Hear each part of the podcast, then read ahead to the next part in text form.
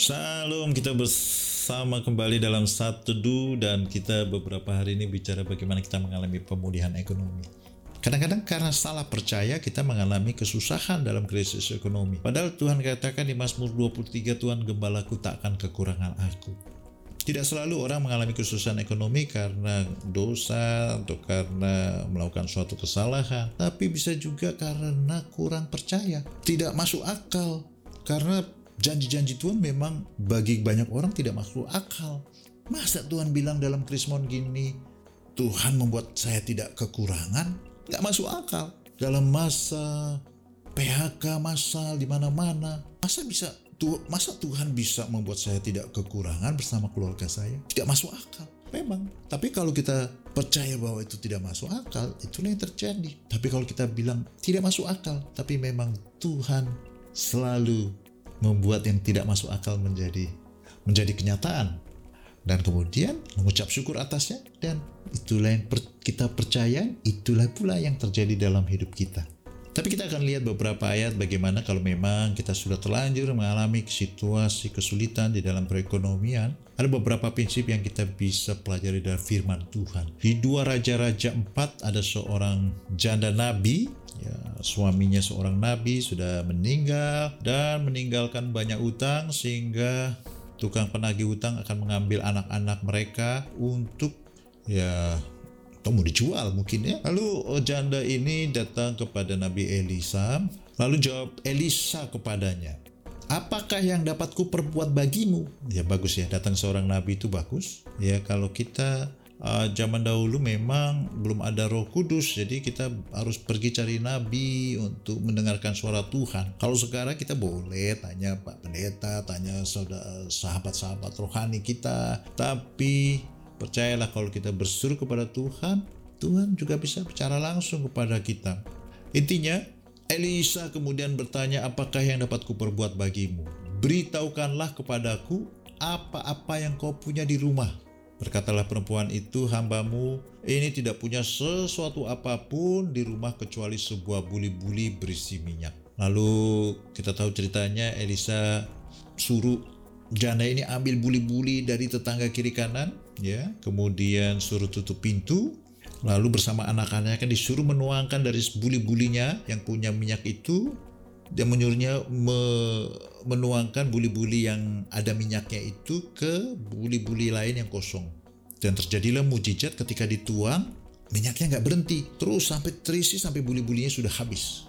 Sampai bejana-bejana yang dipinjam itu semuanya udah terisi penuh, lalu minyak itu berhenti. Ya, kemudian Elisa suruh jual, nanti uangnya untuk membayar hutang dan sisanya untuk uh, kehidupan sehari-hari. Apa pelajaran yang kita bisa dapatkan di sini? Yang pertama dikatakan apa yang ada di rumahmu. Ya, kadang-kadang kita terlalu jauh pikirannya ke mana-mana ya. Bahkan minta tolong uh, ke orang orang menolak kita pergi lagi ke mana lagi. Tapi kalau kita bersuruh kepada Tuhan Tuhan sering kali menggunakan apa yang ada pada kita. Ada yang bisa masak kita Tuhan pakai untuk berjualan hasil masakannya atau apa pun banyaklah ya.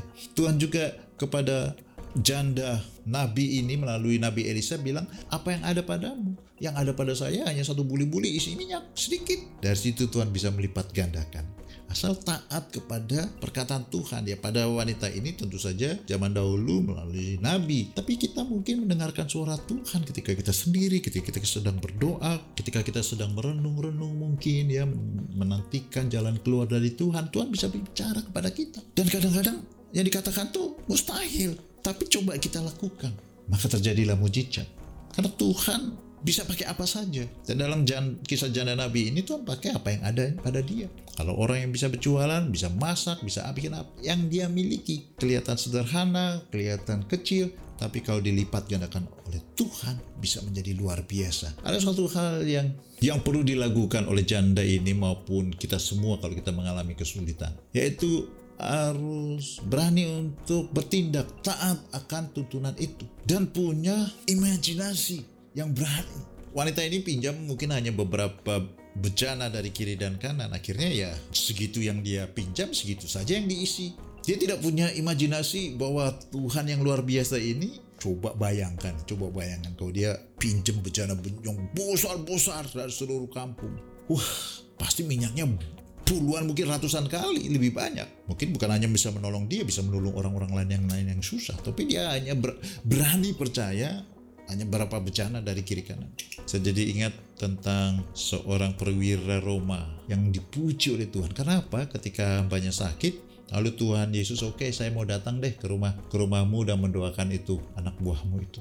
Perwira Romawi ini bilang, gak usah datang Tuhan. Cukup ngomong aja sepatah kata. Pasti di sana juga sih sembuh. Tuhan sampai berkata ini luar biasa. Gak ada yang seperti ini. Di kalangan orang Israel ini orang Romawi loh. Orang yang menurut orang Israel adalah orang kafir. Tapi bisa percaya seperti itu. Dia punya imajinasi yang bahkan orang Israel saja tidak kepikiran.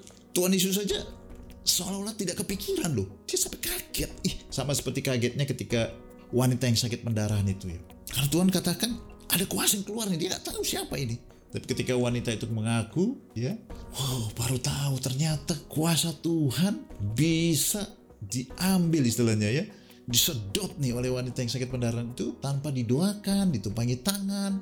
Tuhan tidak melakukan apa-apa, bahkan Tuhan tidak tahu kalau kuasanya disedot oleh wanita yang sakit pendarahan ini. Luar biasa. Ada orang-orang yang lagi kesusahan tapi berani bertindak. Kedua punya imajinasi, punya punya keyakinan yang uh ekstrim seperti itu. Coba belajar untuk percaya lebih besar lagi. Karena Tuhan kita memang Tuhan yang sangat besar. Jangan batasi.